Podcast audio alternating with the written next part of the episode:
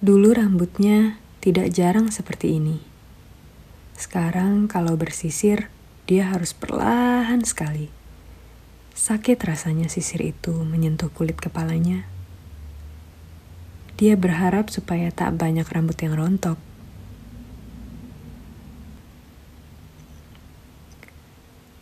Terlalu banyak yang hilang segala yang dimiliki dulu sebelum dia kena tifus. Ya, terlalu banyak yang hilang. Kesegarannya, kesigapannya, waktu dan tenaga, kesanggupannya begitu mudah ditelan oleh kerumunan kuman yang menggerogoti kesehatannya.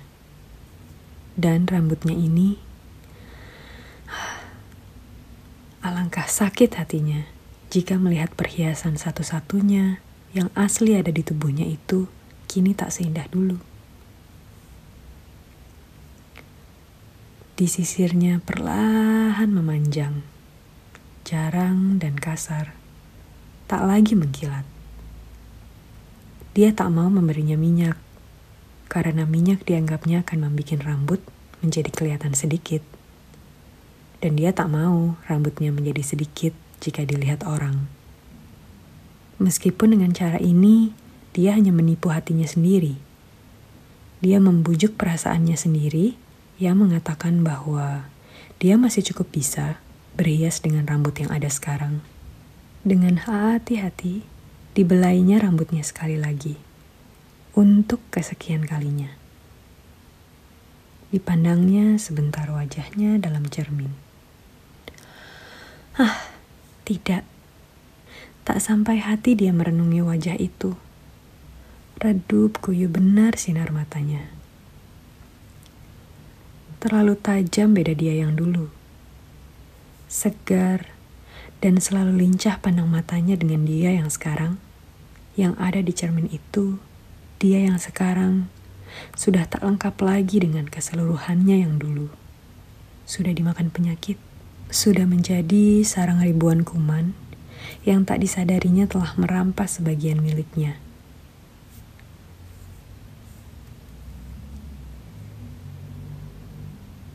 Dia masih ingat dulu waktu kecil bagaimana takutnya dia kepada jarum suntik. Dia masih ingat pula ibunya membisikkan bujukan rayu ke telinganya agar mau disuntik. Dia masih ingat pula bagaimana dulu dia lari pulang dari sekolah karena ada suntikan di sekolahnya. Dan betapa ibunya memeluknya dengan mesra menginsafkan apa perlunya orang disuntik.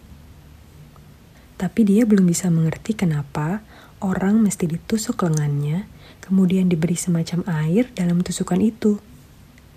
Dia hanya tahu bahwa dia takut kepada jarum itu. Dia hanya tahu bahwa dia takut kepada jarum itu, dan dia tak mau orang menusuknya begitu saja.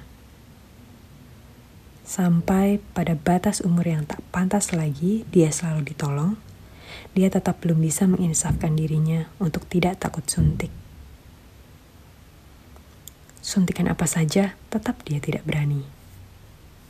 Dan kini, dia benar-benar merasakan akibat ketakutannya selama itu. Takutnya terhadap jarum, satu ujung kecil yang menusuk dagingnya, dan yang tak akan minta kekuatan tenaga apa pun darinya, kini memberinya akhiran yang tidak seimbang.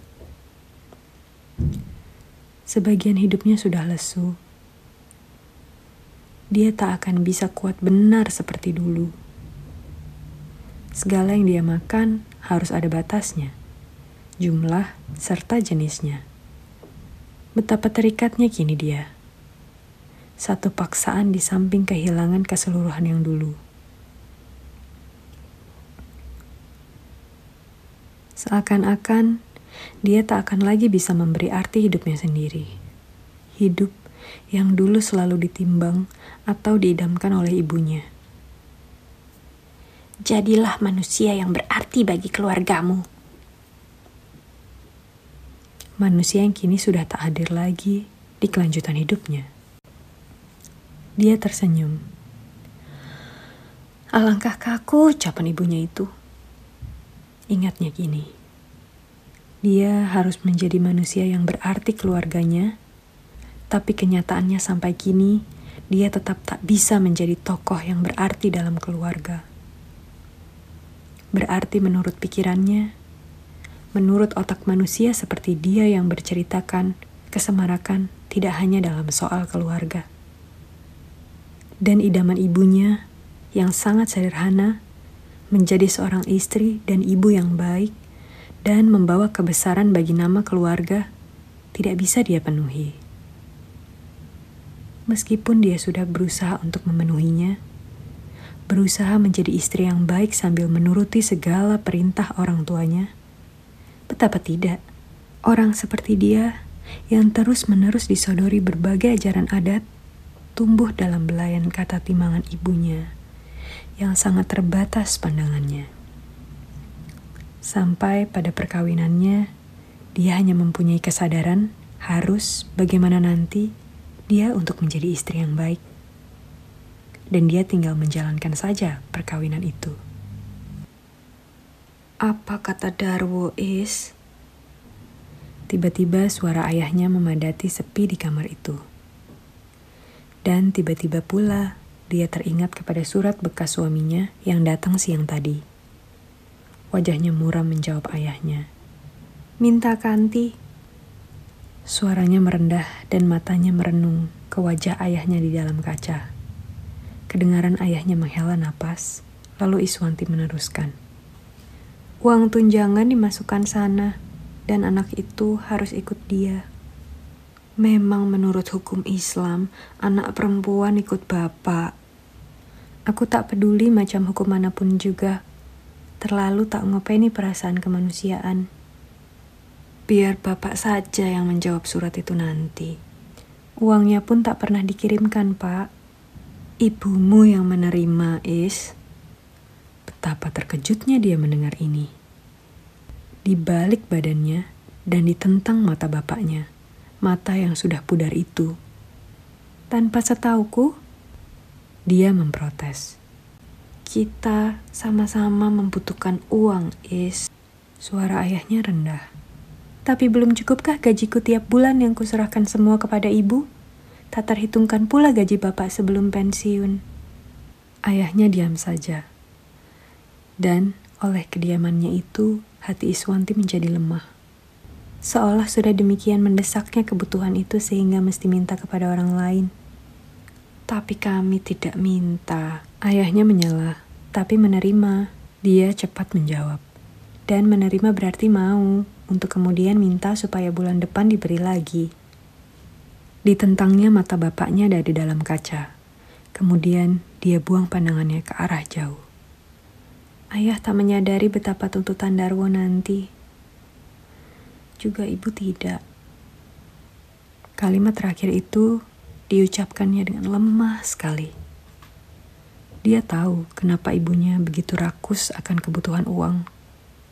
Lingkungan ibunya yang tak punya banyak kerja itu membuat keisengan buat membuang-buang waktu. Dan judi yang dimulai kecil-kecilan, lama-kelamaan mencandu dan mendarah daging pada manusia. Demikian itulah hidup ibunya. Manusia yang dicintai anak-anaknya itu mencari keisengan, Sejak pagi ditinggal suami dan anak-anaknya berangkat kerja dan sekolah. Biaya hidup sederhana kadang-kadang terhanyut pula ke meja judi. Kumpulan orang-orang yang juga iseng, seperti ibunya. Hidup demikian sudah lebih dari biasa bagi Iswanti yang mengetahui segala-galanya. Dia malu kepada tetangga dan kawan-kawannya dan kepada dirinya sendiri sebagai perempuan yang tahu bagaimana menyelenggara rumah tangga yang baik. Ia terima mesra cukup banyak dari ibunya sebelum tergila-gila oleh judi dan kelalaian.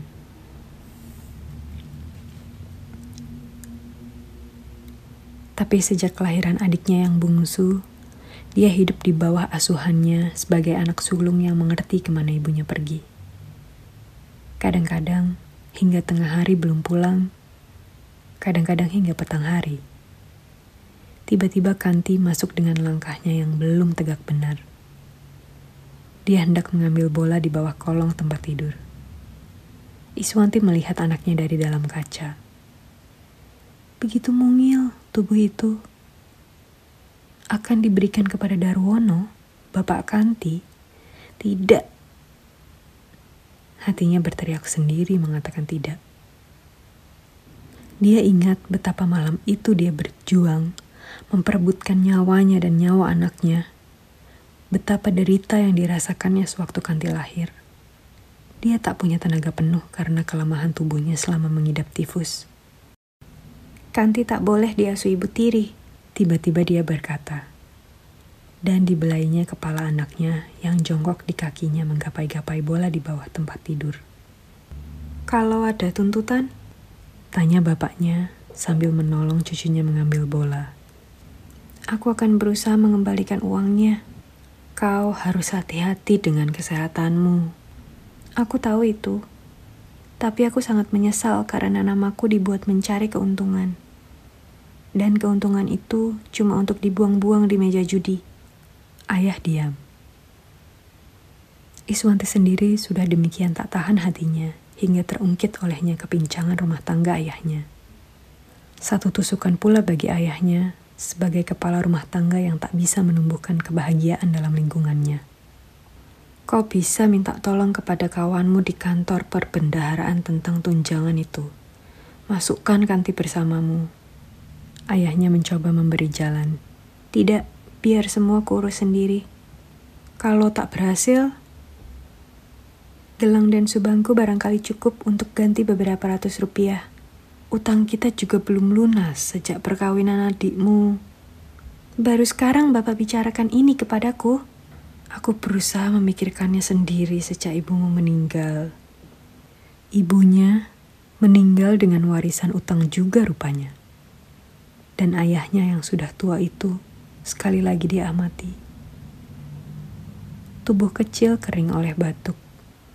Kita sebetulnya bisa minta tolong sama Darwo. Kalau Bapak mau boleh saja, tapi jangan kami Aku dan Kanti ikut pula terbawa-bawa untuk pengganti jasa. Dipandangnya wajah bapaknya dengan sungguh-sungguh. Sudah lama aku tahu bagaimana manusia selalu minta ganti buat kerja atau perbuatan yang dilakukan terhadap orang lain. Dan kepada Darwo, aku tak perlu beramah-ramah.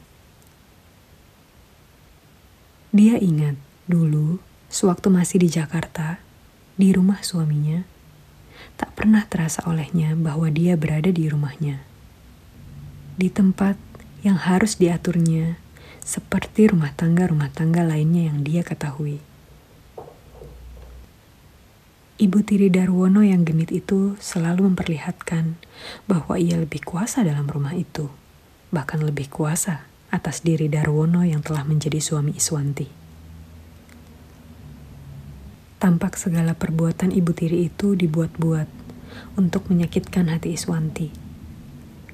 Dan segala itu ditahannya, ditekan saja dalam perasaannya. Karena dia mau menjadi istri yang baik. Dia mau menjadi istri yang menurut idaman ibunya mengikuti semua omongan suami dan orang tua.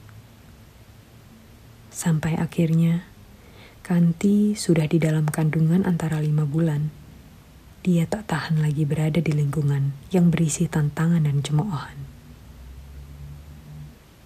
Betapa tak akan terbakar dadanya bila dia lihat suaminya berbaring dengan kepala di atas pangkuan ibu tirinya di depan ruang belakang.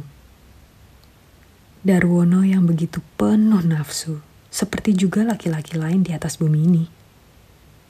Tadinya dia anggap itu sebagai sesuatu yang biasa saja karena dia sangka kasih ibu tiri itu cuma kasih ibu yang tulus kepadanya. Tapi lama-kelamaan, segala tingkah yang melampaui batasan kesopanan antar kedua manusia itu benar-benar mengejutkan dan mencolok mata Iswanti, istri yang mau setia.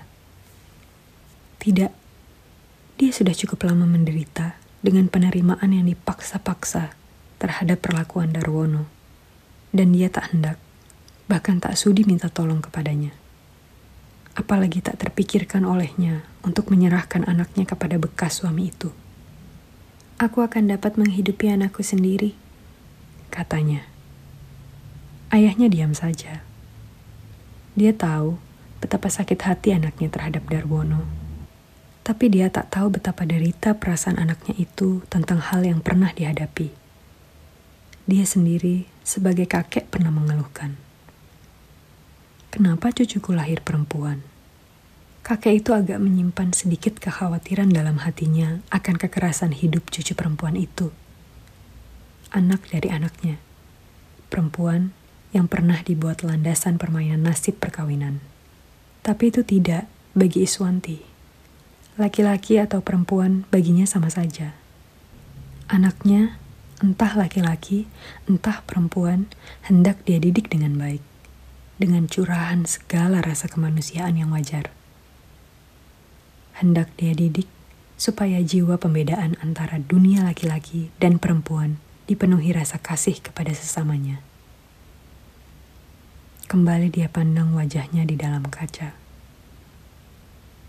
Lesu dan pucat.